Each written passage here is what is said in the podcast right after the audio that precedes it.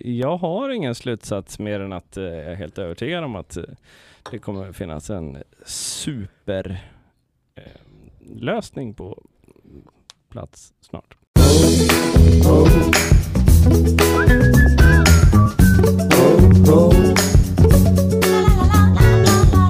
Hur tänkte ni där?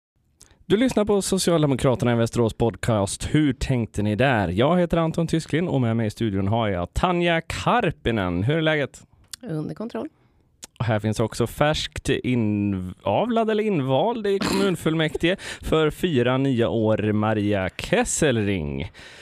Eh, det är ingenting som vi kanske brukar säga, men det är tisdagen den 27 september när vi spelar in detta och anledningen till att jag säger det är att saker och ting händer i Europa, i Sverige och framförallt i Västerås. Så att innan vi ens lämnat den här studion kan allt vi säger här inne ställts på sin ända. Men eh, spontana reflektioner, valet, valresultatet innan vi går in på alla andra möjliga punkter från den stora och den eh, småiga världen. Så jag säger bara Jesus Ja, MF.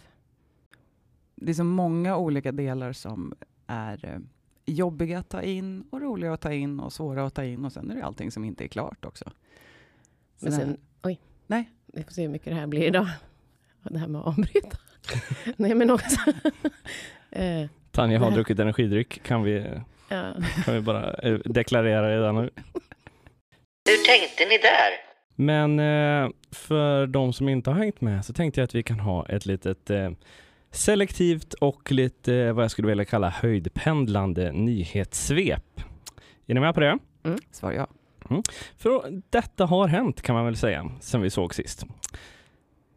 Killen vid grillen har snabbt fått erfara att om man inte är försiktig så kan man bränna sig. För Liberalerna gick till val på att sälja ut sina värderingar och proklamera sin trohet till blåbrunhet med orden Sverigedemokraterna kan lita på Liberalerna för att sedan svänga helt när väljarnas dom fallit och till sin grupp i Europaparlamentet bedyra att Sverigedemokraterna fortfarande är Liberalernas huvudsakliga fiende. Den socialdemokratiska riksdagsledamoten från Västmanland, Olle Torell, avslöjade mitt under brinnande val att han egentligen heter Olof. Och ja, jag är i alla fall i chock. Jag har spenderat orimligt många timmar med att få en ordentlig insyn i den slutliga rösträkningsprocessen. Och det är därför eh, delvis att ni inte fått ett avsnitt förrän nu. Min slutsats är det att om du inte har en stöt i nivå med Casa de Papel eller Oceans Eleven så är det fan omöjligt att fuska i någon form av betydande omfattning i det här valet. Men när jag väl lyckades lyssna på lite rapportering från Europa så visade det sig att Ukraina inte bara fortsätter försvara sig tappert mot Putins Ryssland, utan de har gått till motattack. Och i den mån man kan säga det så går det bra för Ukraina nu när stödet från bland annat Sverige börjar sättas in på allvar i kriget. Putte har därför bestämt sig för att börja mobilisera likt USA i Vietnamkriget och helt plötsligt så ska nu Europa få ta hand om ryska desertörer som väller in från bland annat Finland, Nej, eller till Finland. Jag vet inte varför jag skrivit från där. Häromdagen beslutade riksdagen att välja Sverigedemokraternas Julia Stegrud som andra vice talman. Stegrud är känd för sin kamp mot aborträtten och inte minst för hennes tankar om evolutionen. Citat, jag var ju inte där. På mikronivå har även gubbarna som var för rasistiska för att vara kvar i SD, Alternativ för Sverige, förklarat sin totala avsaknad på folkligt stöd för andra valet i rad. Förra valet gick ju partiledaren Gustav Kasselstrand ut och sa att han räknade med att komma in i riksdagen. Det var inte ens nära då. Hur gick det då i detta valet? Jo, AFS skrapade ihop hela 0,26 procent av svenska folkets röster och förklarade detta med att de skulle haft en procent till, men att tydligen 80 procent av deras väljare stödröstade på SD, alltså Sveriges näst största parti. Nej, det är nog dags att de alternativa svenskarna inser att Sverige inte vill ha just deras typ av rasism i alla fall. Och sist, men verkligen inte minst, valet i Västerås. Och det är väl där vi kommer ta lite avstamp nu. Likt riket i övrigt råder en viss oklarhet och jag tror att vi med säkerhet kan säga att förhandlingar pågår för fulla muggar kors och tvärs och högt och lågt mellan partierna för att skapa en majoritet.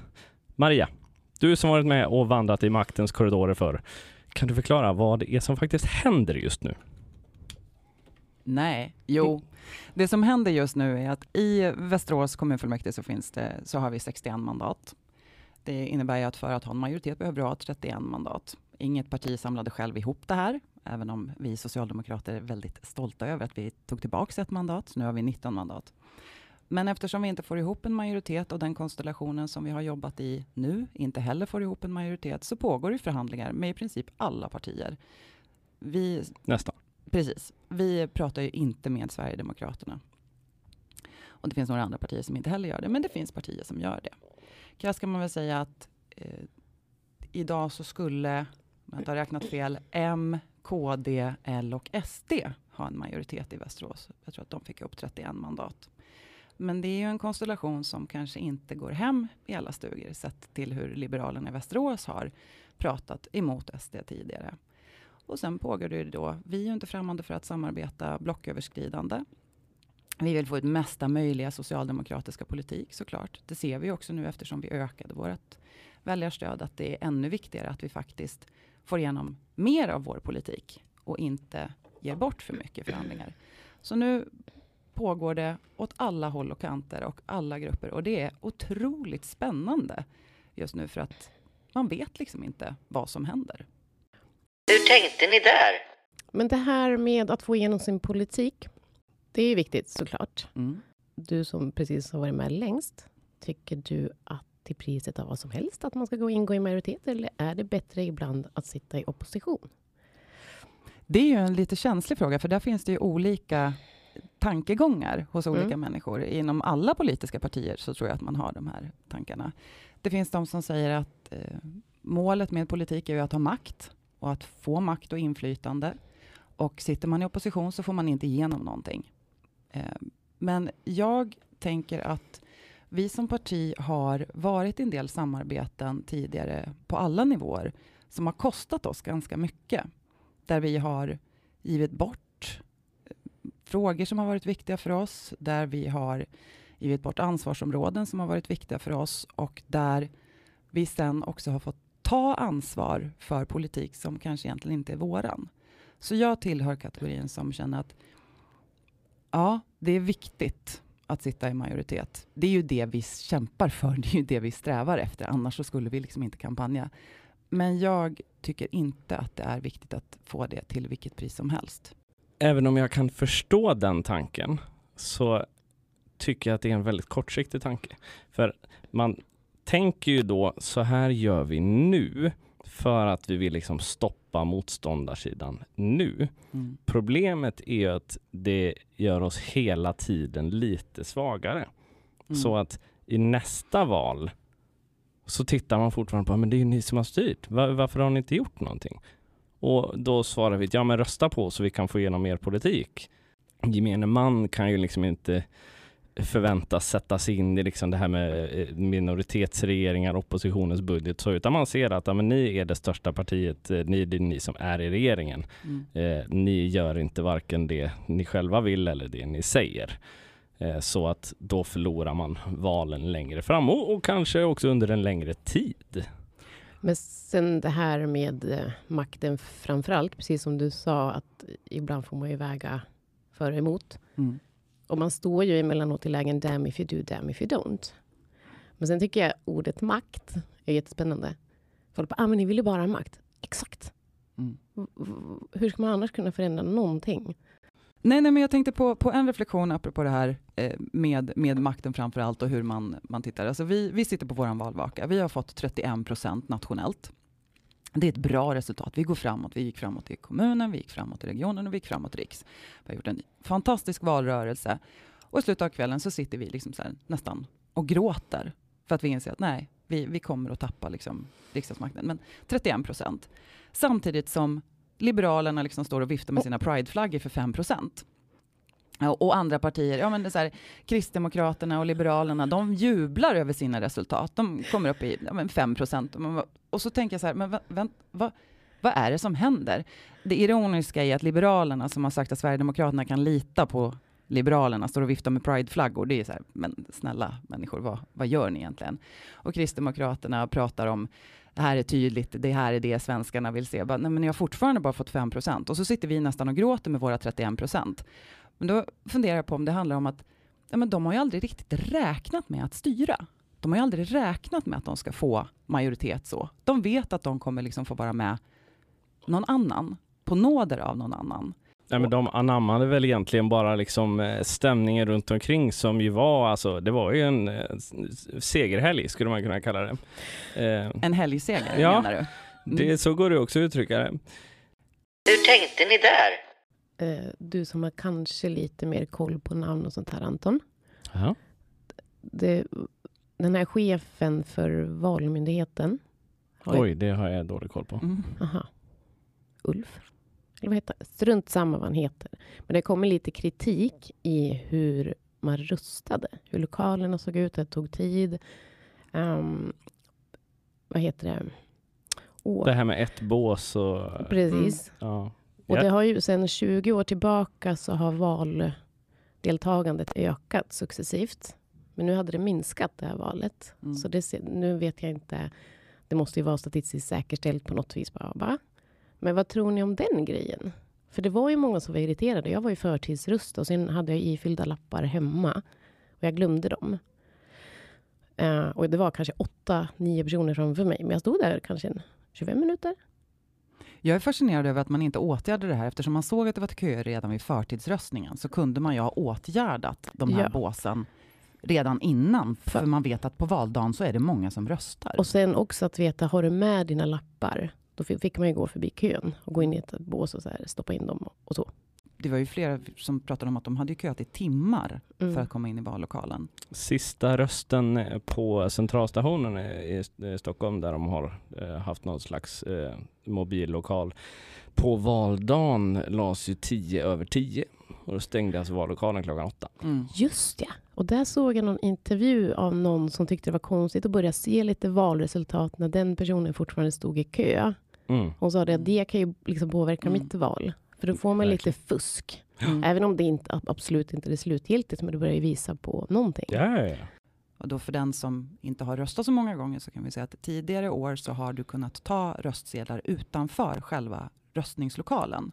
Och de har legat på ett bord och då har du plockat din röstsedel och sen så har du gått in i ett bås, lagt ner dem i dina kuvert och sen så har du lämnat av dem. Det som var nytt för i år var ju att valsedlarna också hämtades ut i ett bås så att ingen skulle se vilka valsedlar du tog. Och det här gjorde ju att det blev enorma fördröjningar. Eh, och, men den, den nämnden som ska titta på det här, de kommer inte sammanträda förrän i oktober sen. Så jag vet liksom inte riktigt hur det ska gå att få ihop och jag vet inte om någon är sugen på att göra om det eller men, Nej men det, det tror jag bara, det kommer inte ske. det tror inte jag heller Eh, kommer att ske. eh, nu- det kommer liksom bli något omval på grund av det här. Jag tror att man får ta med sig den kritiken och det resultatet som landar och, och försöka göra om bättre nästa val. Hur tänkte ni där? Det finns ju människor som väljer att rösta blankt och Mm. visa missnöje. Och det tycker jag är bra istället för att stanna hemma. Men då, jag såg en person lägga ut en story där det stod ni som röstar blankt, rösta brunt. Och jag tyckte det var så satans orättvist. Fast det är ju det. Väljer du att inte tala kommer någon annan använda din tystnad. Och att rösta blankt är ju inte att visa missnöje på det sättet, utan det blir ju istället att andras röster blir mer värda, för de räknas ju inte in, utan de hamnar ju utanför, så att rösterna fördelas. Så att det blir ju tyvärr så. Fast i, i min värld tänker jag så här, om jag känner så här, men jag är inte nöjd med något parti. Då vill jag bara visa det. Och då tar man ju inte ställning, men du tar åtminstone ställning och visar att eh, jag är inte nöjd med någon. Och det ska liksom vara en liten signal till politikerna och partierna. Men att då säga, ja, men då har du röstat brunt. Jag tycker inte det är schysst att lägga det på en person. Som Ja, men- känner missnöje och vill inte rösta på någon. Jag tänker så här, jag fattar din känsla och jag hör vad du säger, men det är ju ändå de facto det Gud, som det är ju händer. mina ord. Nej, men det är ju det som händer. Problemet med om du röstar blankt så röstar du brunt är antagandet att Mm. annars skulle du ha röstat eh, på Mm. den rödgröna sidan. Mm. Det tror jag inte stämmer. Nej. Alltså nu har jag inte den blekaste aning men jag tror att de här missnöjda människorna som säger liksom fuck allt jag röstar blankt. Det tror jag är snarare personer som hade landat åt ja, men, de mindre partier som inte ens kom in eller typ SD. För även Mm. om de är ett stort parti så är det fortfarande ett missnöjesparti. Mm. Så jag tror, jag tror helt enkelt, även om jag förstår konceptet, liksom, hade du tänkt att rösta till exempel på S men går och rösta blankt istället, ja visst då för, försvinner den rösten. Eh, men jag tror skulle man ta alla som röstar blankt och säger ni måste välja ett parti, då tror jag ändå att den bruna sidan skulle vinna på det. Eh, så Men jag tänker så här, det blir ju ett väldigt hypotetiskt, för det, det är ju hypotetiskt Ja, överhuvudtaget. ja. Men, men det, jag, det jag menar är att det landar ju i att om du inte säger någonting alls Alltså om du är tyst, vilket ju en, en blankröst blir ju tyst. Även om det är en markering så blir den ju tyst, för den gör ju att de andra rösterna på alla andra partier blir lite, lite, lite mer värda. Ja, det man ju då kan säga, nu blir det nästan en procent, eller strax över en procent tror jag, som röstade blankt. Och det skickar ju också en signal att okej, okay, här finns det ju faktiskt röster att hämta. Det är inte bara folk som är missnöjda, det här finns en hel jävla procent. Eh, så att om partierna skulle fokusera på den gruppen så finns det ju faktiskt förmodligen en hel del röster att hämta. Jag tänker att det här fokusera på olika grupper, det hade varit så otroligt skönt om vi kunde ha haft en valrörelse där partierna faktiskt pratade om sin politik, var lite mer ideologiskt förankrade och inte var så fruktansvärt målgruppsanpassade hela tiden. Mm, vet du vad som mer hade varit fantastiskt? Vad? Fred, pengar till alla ponnys. ja, men det, jag tänker så här, fred, pengar till alla och ponnys. Jag tror faktiskt att det är lättare att uppnå en valrörelse där partierna är mer ideologiska och Jag tror vi har världsfred innan det händer. Ja, men det hade ju varit skönt, för det blir så tydligt när man riktar in sig. Och nu kommer det kritik från alla håll. Ja, men så här, Vänsterpartiet börjar helt plötsligt rikta in sig Vad är det som på... låter? Det, något ute i ja, korridoren. Det så här, vi har bytt studio, det, det är lite läskiga ljud och vi, vi känner att det är equal-delar skräckfilm och vi italiensk. Vi Men jag, jag, håller, jag håller med dig Maria, det hade varit jätteskönt med en sån valrörelse. Jag tror bara att det är onåbart. Så länge det finns målgrupper man kan eh, appellera till, där man vet att man kan hämta röster, eh, vilket alltid kommer finnas, så kommer valrörelsen, valrörelsen Men valrörelserna har ju inte alltid varit sådana. Nej, men informationssamhället har inte alltid sett ut som det gör. Nej, fast informationssamhället har ju bara fördummat oss också. Ja, absolut, men det är ju svårt att göra någonting åt det just nu. Nej, men jag, jag, tror, jag tror att många partier hade vunnit på att satsa mera på att prata om sin ideologiska bas än att prata elpriser, vem som kan straffa kriminella hårdast eh, och eh, ja, alltså. om man börjar prata om saker där folk inte är intresserade, för det är ju i tidningen vad du läser om. Eh, ja, nu är det skjutningar där igen och elpriserna skjuter i höjden. Om du inte, om du väljer att prata ideologiskt och inte toucha de sakerna så anses du vara kanske lite dum. Så här, men det här är vårt problem, upplever människor. Sen om det är ett verkligt problem, det är en annan fråga. Men den viktigaste valfrågan var ju vården. Hur mycket vårddebatter hörde vi? Och jag tror att alla partier som nu på något vis inte gick fram särskilt mycket eller som backade lite grann, hade kunnat tjäna på att prata lite mer, vad vill vi? Hur vill vi att samhället ska se ut? För nu blev det väldigt mycket one-liners, det blev väldigt eh, knepiga debatter där också många påtalar, vi ser inte skillnaden mellan S och M. Vi förstår inte liksom hur ni är olika. Och när man då liksom bara pratar om de här smala frågorna, och där tänker jag, där har politiken också ett ansvar, och där måste vi ju lära oss av tidigare. Är vi så rädda för opinionen är vi så rädda för opinionen så att vi liksom krumbuktar oss som maskar för att anpassa oss till opinionen? Eller törs vi gå emot och försöka sätta opinionen? Hur tänkte ni där? Förlåt, jag hör bara. jag tappar bort vad Maria säger. Jag bara... Jag hörde inte det. Alltså jag hörde när vi slutade prata så att eh, det hörs, men inte medans Jag kanske skarphursel. Skarpinen. Men med de här förutsättningarna vi har nu då, finns det någon eh, möjlighet för ett eh, vänstersosse-styre i Västerås, även om ingen vill rösta på Miljöpartiet? inte ett renodlat. Det har vi ju inte nu. Den majoriteten Hade vi inte riktigt inte. innan heller. Nej, alltså det, det har ju inte funnits. Utan det blir ju, oavsett hur vi än vrider och vänder på det, så kommer vi ju vara tvungna att ha ett blocköverskridande samarbete. Vad dum jag var, sa jag? Låter det bli att svara på det. Ja, det Men det var fan så dumt. Ja, du, det var väl du, inget, du, inget du att svara den, på Du tog ens. den udda poddvägen och säga så här, jag väljer att inte svara. Ja, okej. Okay. Men jag vet ju att det inte ens går utifrån resultatet. Vi Nej, men det visste Maria också, men hon lyckades formulera några meningar. Ja, men nu, vad hette det, jag fick en tankevurpa. För jag tänkte på, oh, oh, som det låter i taket. Jag måste bara samla mig här. Men det, vi lyssnar på dig nu Anton. Det är en Berätta. vagn som körs fram och tillbaka och de drar någonting över oss. Om jag tar en klunkan så, så dra din lilla slutsats här. Jag har ingen slutsats mer än att eh, jag är helt övertygad om att eh, det kommer finnas en super eh, på plats snart. Hur tänkte ni där? Men du Anton, Mm? hur känns det att eh, vara med i kommunfullmäktige? Plus att jag såg ditt namn i tidningen. Jag tänkte nu börjar stjärnan ta plats.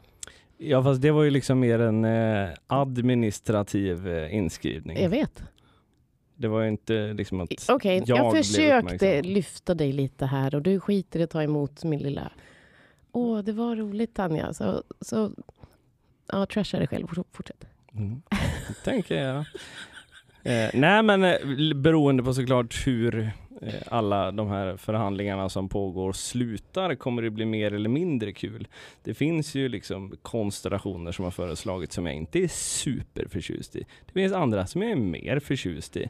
Eh, så än så länge står det ju väger lite grann får jag säga.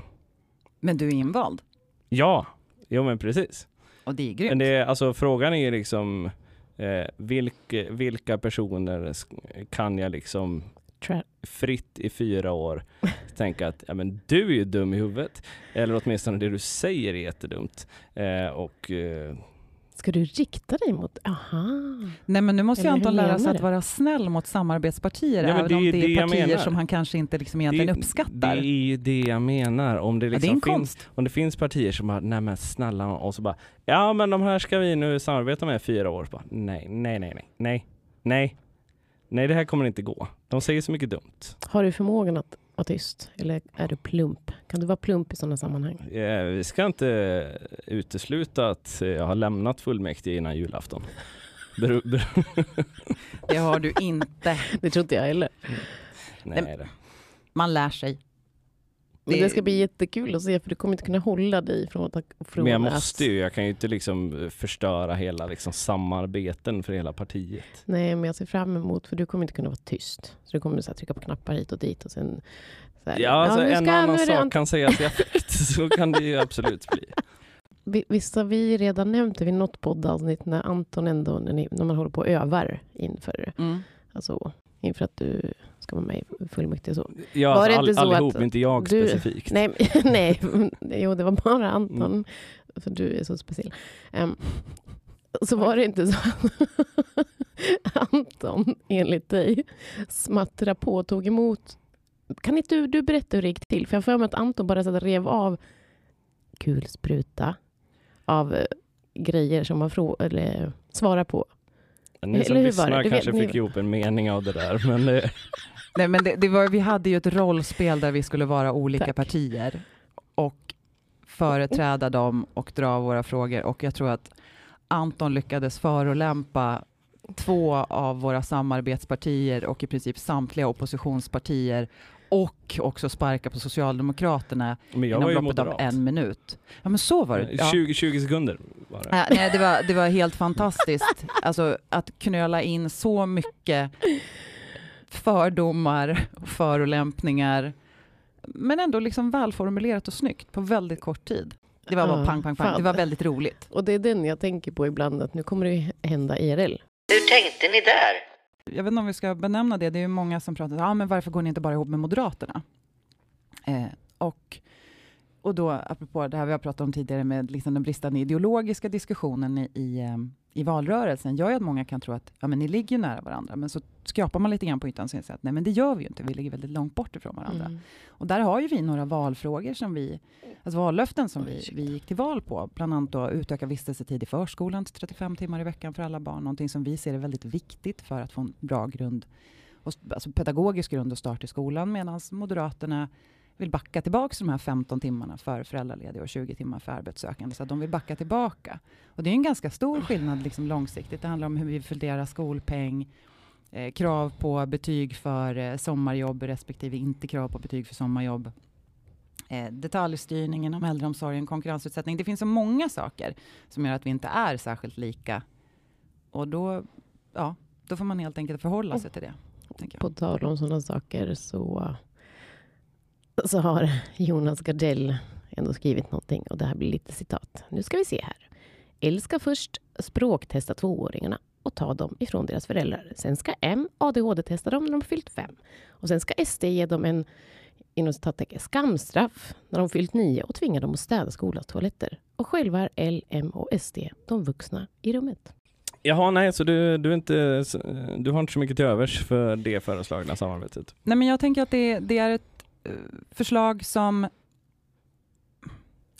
det används ju i vad är det, 29 kommuner i landet. Ja, det stämmer nog. Ja, och jag tänker att, att det är ju olika, det är olika kommuner som har olika förutsättningar på olika sätt. Men för mig så är ett sånt samstyre, det är någonting som man tar till i nödfall. Liksom. Eftersom vi står väldigt långt ifrån varandra ideologiskt i hur vi vill använda skattepengar, hur vi vill finansiera välfärd, alltså privatiseringar kontra offentlig styrning. Alltså alla de här väldigt vit, alltså, säger man, vitala delarna inom politiken, står vi väldigt långt ifrån varandra. Sen kan vi absolut samarbeta och det krävs också överenskommelser som är långsiktigt hållbara över mandatperioder.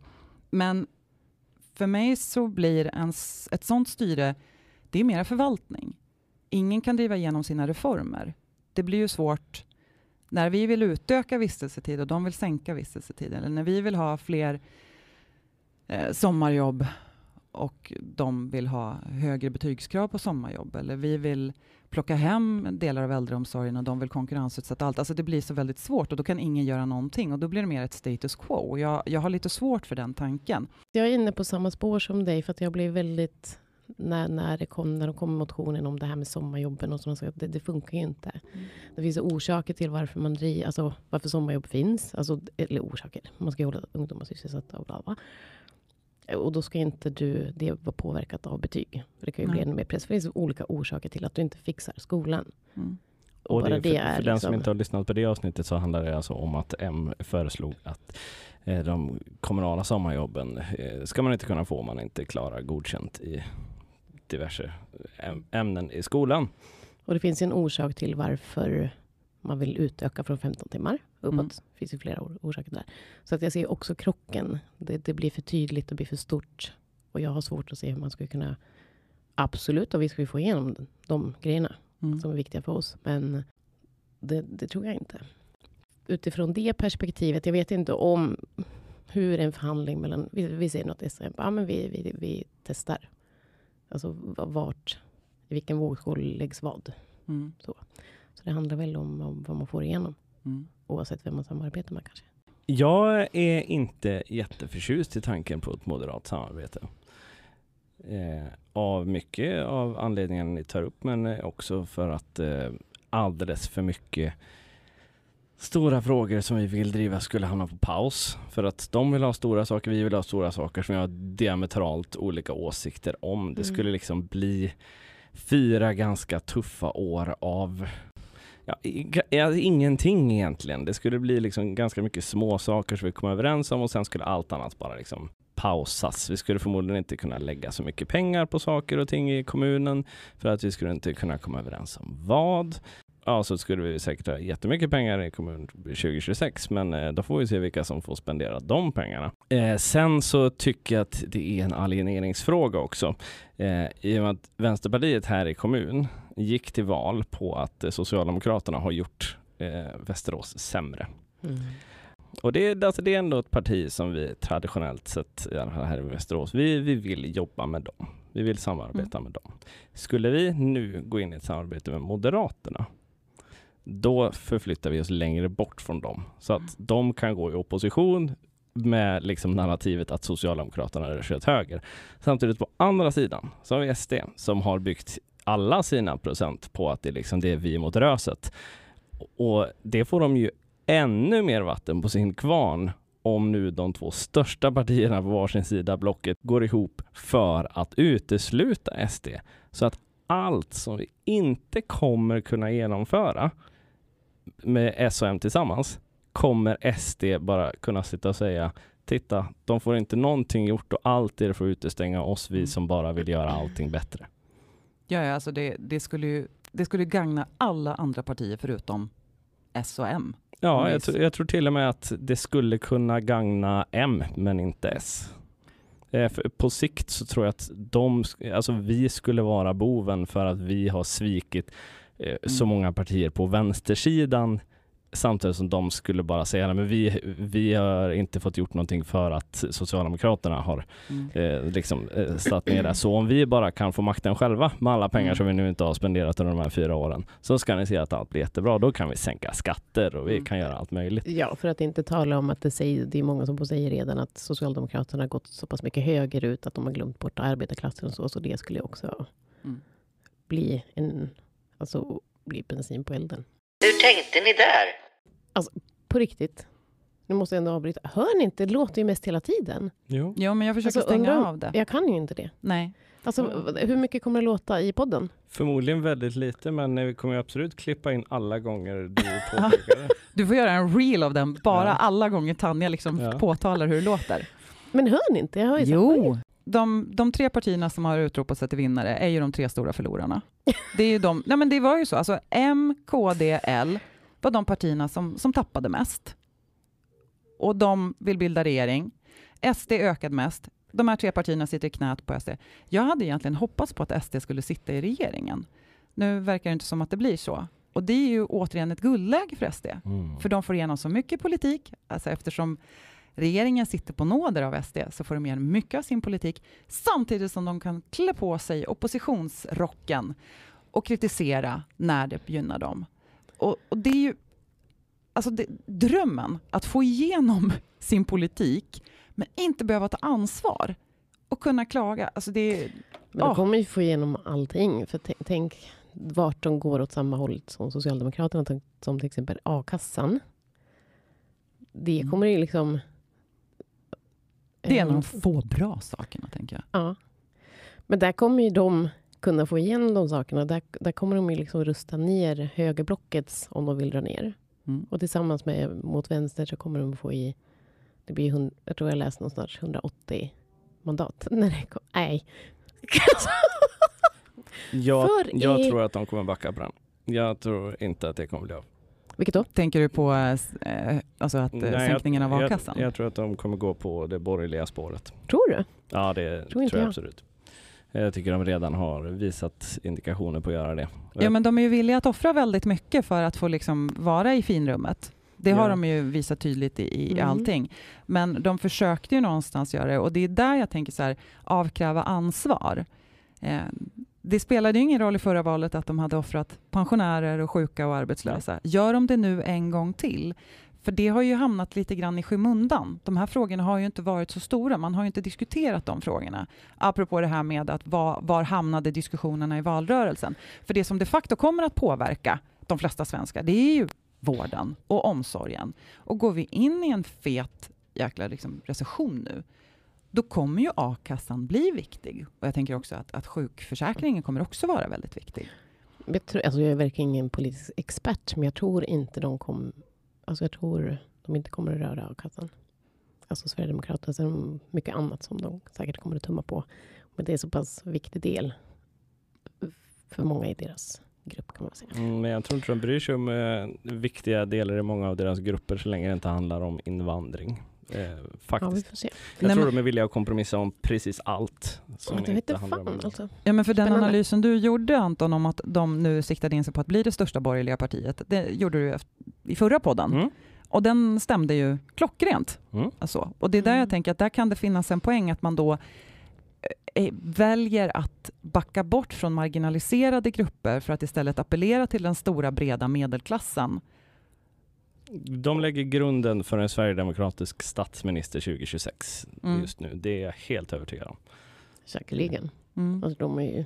Och då tror jag att de kommer kompromissa på precis vad de kan som passar, eh, passar dem helt enkelt och deras samarbetspartners så länge de också får igenom sin invandringspolitik. Vilket de verkar få för att eh, enligt vår snart nya statsminister så har ju SD haft rätt hela tiden. Hur tänkte ni där? I alla fall. I alla fall. Mm. Och jag tycker det är lika roligt varje gång. När Anton säger i alla fall, då börjar jag så. När ni hör det här så är det inte helt omöjligt att vi har en ny majoritet i Västerås. Den kanske till och med är socialdemokratisk, vilket såklart skulle vara fett. Eh, så vi, vi får helt enkelt se, vi har klippt ihop det här beroende på hur den ser ut. Eh, vi laddar om för en höst av politik, poddande och en helt ny konstellation i kommunfullmäktige. Samtidigt följer vi såklart den nationella utvecklingen och kommer tillbaka med kommentarer om det. Fortsätt lyssna, dela och sprid podden. Vi ska försöka få in nya spännande gäster under hösten som kan ge er mer än bara våra tre tråkiga perspektiv. Hur tanken idag Instagram och hur tanken idag gmail.com är vår mail. Ha det bra så länge. Tack så mycket. Hej då!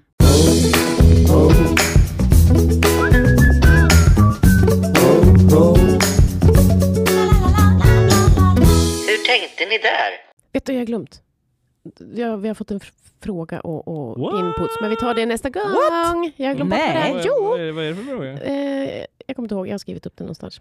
Men det är Jaha, kul. Ja, då spelar det ingen roll. Om. Ja, Jag Men jag kommer bara- inte ihåg. Nej, nej. Då är, då är det här